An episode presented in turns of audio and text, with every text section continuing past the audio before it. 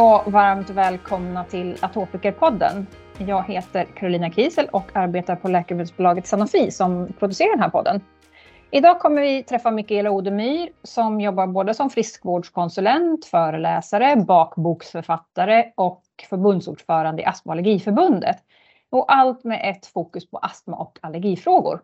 Så hej och varmt välkommen till Atopikerpodden Mikaela. Tack så hemskt mycket. Och jag tänkte vi kunde börja med att du får berätta lite om dig själv. Ja, precis som du sa så är jag då förbundsordförande i Astma Allergiförbundet sedan eh, 2022, alltså förra året.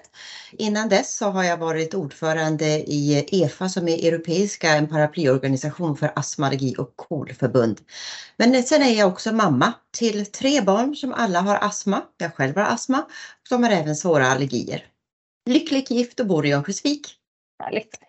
Eh, som vi sa i inledningen så har du ju ett stort fokus på astma och allergifrågor. Hur kommer det sig att du har ett sådant stort fokus på de här frågorna?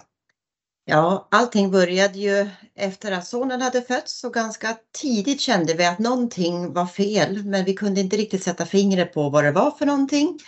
När han sedan fick sin diagnos när han var 10 månader, sin allergi och några månader senare konstaterades även astma det var det som liksom blev starten. Jag kände då att det fanns okunskap och eh, att om jag ville också förbättra så måste jag också engagera mig. Jag kan inte bara förlita mig på andra. Nej, helt rätt. Och när din son var tonåring så blev han ju akut inlagd på, på sjukhus. Kan du berätta om vad det var som egentligen hände då och, och hur, hur det såg ut under situationen och efteråt? Ja, det var egentligen först då efter den här händelsen som jag också förstod hur farligt det faktiskt kan vara med astma. Men allting började bara vi var i Stockholm på besök på en restaurang och jag hade en bra dialog och som sagt var min son är ju då allergisk mot flera födoämnen.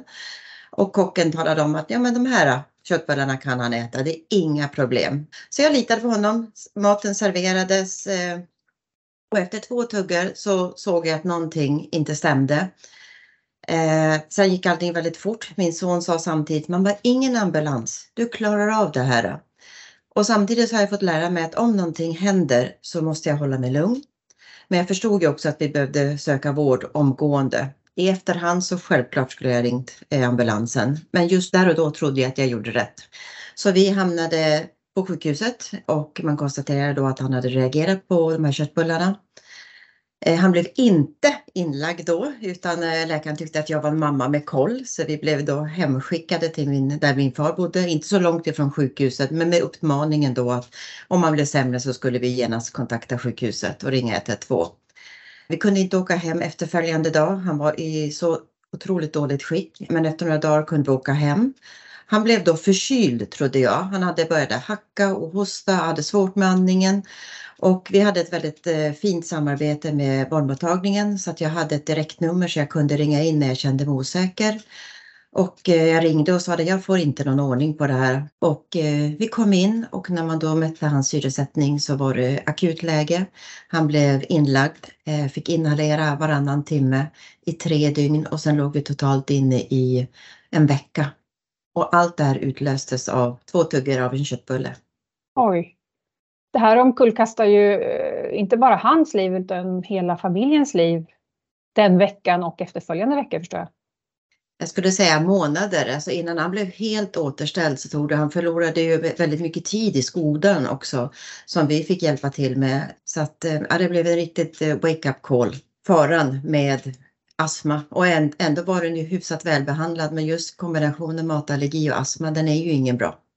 Hur såg vardagen ut sen? Det är mycket medicinering, det var flera som, som har astma i familjen. Fick ni så att säga någon extra hjälp eller stöttning för att eh, klara er hemma vid eller hur såg vardagen ut? Ja, vardagen såg ut så att vi har en fantastisk barnmottagning här i Örnsköldsvik. Utan den vet jag faktiskt inte hur det hade gått. De fanns där. Det är inte det att man kanske alltid behöver kontakt med läkare utan barnsjuksköterskan gjorde ju ett fantastiskt jobb och som jag sa tidigare, vi hade ett direktnummer. Jag kunde ringa och rådfråga om vi skulle ändra medicineringen på något sätt. Däremot fick vi faktiskt inget stöd från skolan. Så här i efterhand kan jag ju tycka att vi kanske skulle bli erbjuden hemundervisning under en period i och med att han var så pass dålig. Men på något sätt så löser man det. Det gäller bara att gilla läget och göra det bästa av situationen. Men det var en tuff tid. Ja, jag förstår det. Nu är ju eh, barnen och din son nästan vuxna. Eh, hur mår de idag och vad gör de? Hur ser deras liv ut? Ja, alla tre har studerat eh, och eh, jobbar. Och jag kan ju bara säga det att övergången från barnvården till vuxenvården, den var inte rolig. Från att ha haft det jättebra så blev det väldigt tufft. Eh, min ena dotter hon flyttade då till en annan del av Sverige och där ser jag ju en helt annan hantering. Men då i min sons fall till exempel. Han skulle behöva en allergolog. Det finns ingen där vi bor idag. Han går på lugn. Men eh, primärvården har ju inte riktigt kunskapen och vet inte riktigt hur de ska hantera. Dels behöver ju de också hjälp och stöd men det blev lite grann som man bara flöt omkring. Men de jobbar med, jag tror att sonen skulle kunna må mycket bättre om han hade fått direkt stöd, lika fint stöd som vi hade under uppväxten. För att, att inte känna att eh, astman kontrollerar er och, och ert liv utan att det är ni som så att säga, kontrollerar situationen och eh, sjukdomen. Eh, hur har ni gjort för att eh, vända den här situationen? Ja, om jag går till mig själv personligen kan jag bara säga att jag blev mycket bättre att sköta min astma. Jag har ju inte en svår astma, men faktiskt under pandemin. Jag förstod vidden av att faktiskt ta hand om mig själv, hur viktigt det var. Plus att jag har märkt när jag går och tränar att håller jag min medicinering, då orkar jag mycket mer. Min son upptäckte jag också att när han verkligen skötte sin astma så kunde han också träna bättre. Så det är ju ett samband, men det är ju det är väldigt viktigt också när man går till någon att man får en uppföljning. Man kanske tittar på inhalationstekniken. Om det blir någon byta medicin är det verkligen viktigt att se att man gör rätt. Och som sagt var, har man svår astma som sonen nu har får han ju gå på lungmottagningen och det är ju en helt annan kunskap. Du har ju aktivt föreläst i över 15 år och jag vet att du brinner för att Eh, öka kunskapen om hur viktigt det är med tillgänglighet i vårt samhälle så att alla kan känna sig inkluderade. Hur ska vi göra för att eh, så många som möjligt ska känna sig inkluderade? Ja, det jag har, som jag sa, har märkt mest det är den här okunskapen. Det är inte det att människor är elaka, det är bara att de inte riktigt förstår eh, kanske vad astma eller allergi är för någonting. Så där, är, där har ju Astma Allergiförbundet en jätteviktig roll att föra ut kunskap. Eh, och det, nu har vi också, vi skulle ju väldigt, väldigt gärna få till ett svenskt allergiprogram. Det är ju över tre miljoner svenskar som är drabbade. Så det här är ingenting man kan blunda för. Två myndigheter har ju nu fått ett uppdrag att titta på det här. Och jag säger bara från eh, på frågan innan om ett, eh, någonting som är otroligt viktigt för en patient, det är att få patientutbildning och en behandlingsplan. Det är ju liksom A och O för att kunna sköta sin sjukdom. Så att för att bli inkluderad så måste vi fortsätta och öka kunskapen. Jätteviktigt. Nu kommer vi in på det eh, som du pratat om att 2022 så valdes du in som förbundsordförande i Astma och allergiförbundet. Eh, ska du berätta lite mer om vägen till det här engagemanget? Ja, det började då när sonen hade fått sin diagnos. Då var han ju tio månader och eh, ja, jag kände mig ganska ensam. Och eh, man behöver råd och stöd när man kommer i sånt och letade då reda på vår lokalförening här i Örnsköldsvik och fick träffa ordförande som liksom tog emot mig med öppna armar och så fick jag verkligen prata av mig hur, hur det var. Och hon var så inspirerande och på det sättet hon bemötte mig så har jag försökt hålla efter själv att, att verkligen ta emot medlemmar för att det betyder att jag vill börja engagera mig. Jag vill ju hjälpa till och påverka. Så jag jobbade, eller jag jobbar än idag, efter 26 år så sitter jag i lokalföreningen här i Örnsköldsvik. Men 2010 blev jag invald i förbundsstyrelsen. Jag var väldigt aktiv, ringde till företag och frågade vad de hade i sina produkter, om det inte skulle kunna gå att utesluta, som i det här fallet som det var mjölk till exempel. Eh, och 2014 så blev jag inbjuden till ett europeiskt samarbete, en utbildning och jag tyckte det där var jättespännande och 2015 EFA, den här paraplyorganisationen, de sökte styrelsemedlemmar så att jag blev nominerad och blev sedan invald som ordinarie styrelseledamot och bara efter några månader så blev det flera länder som hörde av sig och ville nominera mig till ordförande för den posten skulle bli ledig efterföljande period. Och efter det så satt jag i, blev jag omvald tre gånger som ordförande och satt maxtiden av sex år. Eh, sitter med i flera europeiska, det är väl som min man skämtsamt brukar säga, om du går på det här mötet kan du försöka att vara tyst för annars sitter du i en ny styrelse. Men det är svårt när man är engagerad och det man brinner för. Så att, eh, ja, här är jag idag. Härligt. Vilket påverkansarbete är du mest stolt över som Astma och allergiförbundet har gjort hittills? För det första är jag otroligt stolt över det arbete som sker i hela landet. Men det var faktiskt när vi räddade pollenprognoserna. Det hade vi hållit på med i många, många år. Men sen kom det till ett kritiskt läge när halva Sverige stod utan pollenmätning. Och då gick den enskilda medlemmen, lokal, läns, region och kansli och hela förbundsstyrelsen samman och jobbade aktivt på alla nivåer. Och vi fick då ett beslut att de är räddade. Och ja, jag känner en sån stor lycka och är otroligt stolt över alla som engagerade sig. Verkligen bra jobbat. Om man nu lyssnar idag och eh, känner så här, men jag är inte med i Astma och allergiförbundet, jag kanske skulle ta och bli eh, medlem. Hur gör man? Hur gör man för att bli medlem hos er? Och eh, vad kan man tänka sig att man kan få hjälpa till med eller vad kan man få bidra till?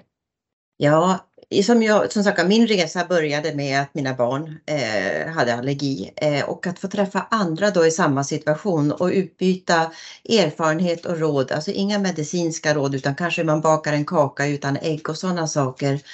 Det är värt mycket. Man kan ju bli medlem antingen genom att gå in på hemsidan. Där finns det att man både en QR-kod och sen så kan man anmäla sig.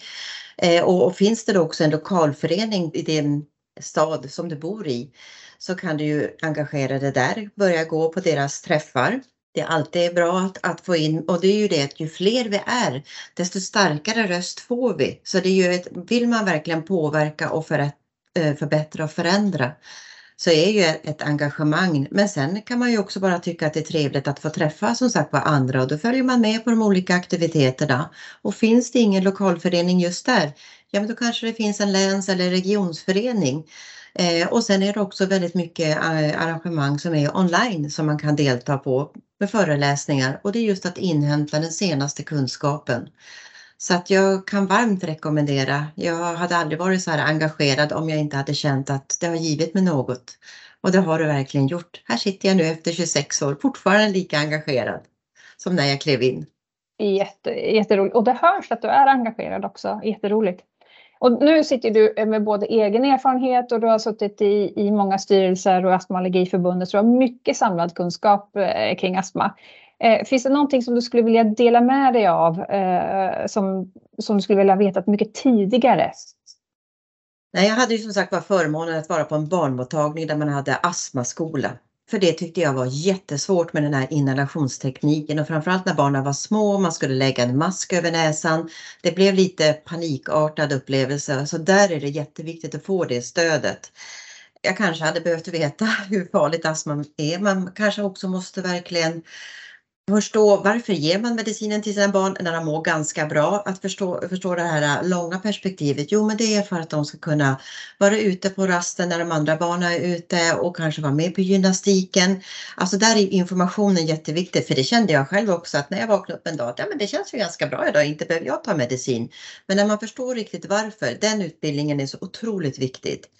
Och just den här behandlingsplanen kommer ju nu starkt, fanns inte så mycket då utan då hade man små post-it-lappar när det blev försämring och jag då som har tre barn, det var liksom olika post-it-lappar.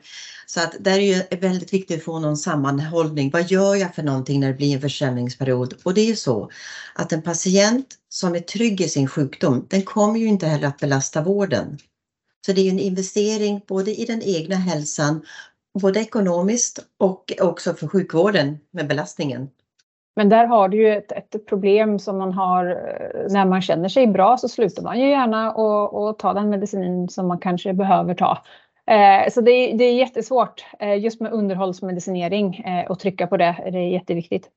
Det var precis det jag skulle säga att det, det är väl det enda positiva jag kan säga under pandemin att man faktiskt förstod vikten av att ta sin medicin för att må bra. Och som sagt var, hade man haft en, en behandlingsplan hade det varit ännu tryggare att veta, okej, okay, nu vet jag hur jag ska göra. Jag behöver inte, vården var ju ändå så överbelastad. Så ja. det är en win-win för alla. Verkligen. Något annat eh, råd eller tips eller information som du skulle kunna delge lyssnarna när det gäller astma?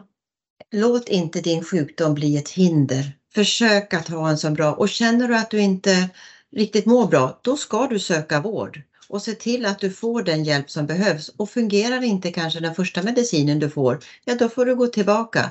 Men igen, det är så viktigt att man tar den rätt, den här inhalationstekniken. Eh, och att den är anpassad efter din. Men det viktiga är ju att är man väl medicinerad och rätt behandlad, då kan du leva ett ganska normalt liv. Och sen har det också hänt väldigt mycket de senaste åren på just astma. Det har kommit många nya behandlingar som har väldigt god effekt för de flesta. Mm, det är ett, ett, stort hopp. Jag sa i början här också att du är författare också. Och eh, med en bok som heter Fika med Mikaela. Baka utan mjölk, ägg och nötter. Och den utkom ju här i oktober 2020, eller hur? Den är bra det. Hur, hur kom det sig att du blev eh, bakboksförfattare också? Från början då när sonen hade fått eh, sina allergier framförallt mot ägg, mjölk och nötter. Jag tyckte det var otroligt svårt att få till. Jag hade liksom den där visionen när han fyllde ett hur jag skulle baka en stor gräddtårta som man bara skulle få mumsa på. Men resultatet blev absolut inte stor. Den blev liksom platt och stenhård och var egentligen bättre som ammunition till älgjakten.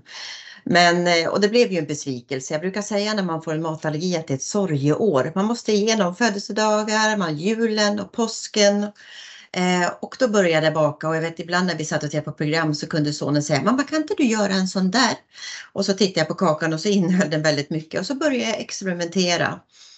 Och sen Ja, det här är över tio år sedan. Då hade min dotter förutom sin astmaallergi, hon hade också drabbats av både struma Eh, med sköldkörteln och reumatism. Och jag hade fått eh, hudcancer. Så det var en väldigt tuff period när det var väldigt mycket sjukdom. Och hon älskar att fotografera. Och jag hade ju samlat på mig ganska mycket recept. Så jag tänkte tänk om, jag, om vi skulle kunna göra ett positivt projekt tillsammans. Där vi fokuserar på någonting annat än sjukdomar. Så hon tog bilder och jag började skriva recepterna. Och så var vi jätteaktiva ett tag. Och så ja, det händer ju saker i livet. Så gick det ner. Men sen bestämde oss sig slut att nej, vi ska se om det här kan bli verklighet. Och gick igenom alla bilderna och insåg att de behöver ta sig om. Jag gick igenom alla recepten och såg att jag hade skrivit lite väl specificerat på produkter som kanske inte fanns. Så vi gjorde om och jag bakade om massor och sen så skickade vi in dem först till ett förlag som sa nej men gav oss ändå uppmuntrande ord att fortsätta söka och eh, fick sen eh, kontakt med Lindskogs förlag som sa ja, och eh, nu finns den ute i handeln. Finns på Bokus och Adlibris, eh, Akademibokhandeln har den och vissa utvalda bokhandlare i Stockholm och så här uppe i Örnsköldsvik finns den på Café UH. Så att, fantastiskt! Vilket jättehärligt eh, projekt tillsammans verkligen. Vad är ditt allra bästa recept? Om du skulle tipsa? Ja, jag älskar de här vaniljbullarna med hallon eller om man vill stoppa i blåbär. Men, och det var just det som barnen saknade band, det där söta, goda och lite sliskiga om man får säga så. Vi la upp boken så att vi har vetebröd, mjuka kakor, småkakor och godis efterrätter. Jättegott. Nu kan jag ana lite svaret på den här frågan, eh, men vad gör dig lycklig Mikaela? För det första är det min familj. Eh, och sen också att jag får jobba med det jag brinner för. Och sen älskar jag att baka och laga mat. Ja, vad härligt. Jag har faktiskt också börjat baka på, på senare år. Jag har haft ett uppehåll på 15 år ungefär, men tycker också att det är väldigt, väldigt härligt att baka. Rogivande. Precis, då kan man bara fokusera på en sak. Och är jag stressad så är det den bästa avkopplingen. Och så får man njuta efteråt. Mm. Eh, Mikaela, ett stort tack för ett mycket inspirerande och positivt samtal med dig idag. Jag tror faktiskt inte att någon lyssnare kan fortsätta dagen annat mode än i det positiva. Jag tar dina ord om att det är jätteviktigt att sköta sin astma och hålla sin medicinering och se till att inte gå och må dåligt utan sök vård om du fortsätter att må dåligt för att få kontroll på din astma. Jättetack också för din stärkande berättelse om att det faktiskt går att leva ett bra liv trots att man är drabbad av astma. Så jag säger stort tack igen för att du kom hit. Tack så hemskt mycket för inbjudan. Nästa gång får ni möta Oskar Magrå och ta del av hans personliga erfarenheter och berättelse om sitt liv med atopiskt eksem och hur det är att vara en patient i en klinisk läkemedelsstudie. Så stort tack för att ni har lyssnat idag och vi hörs snart igen.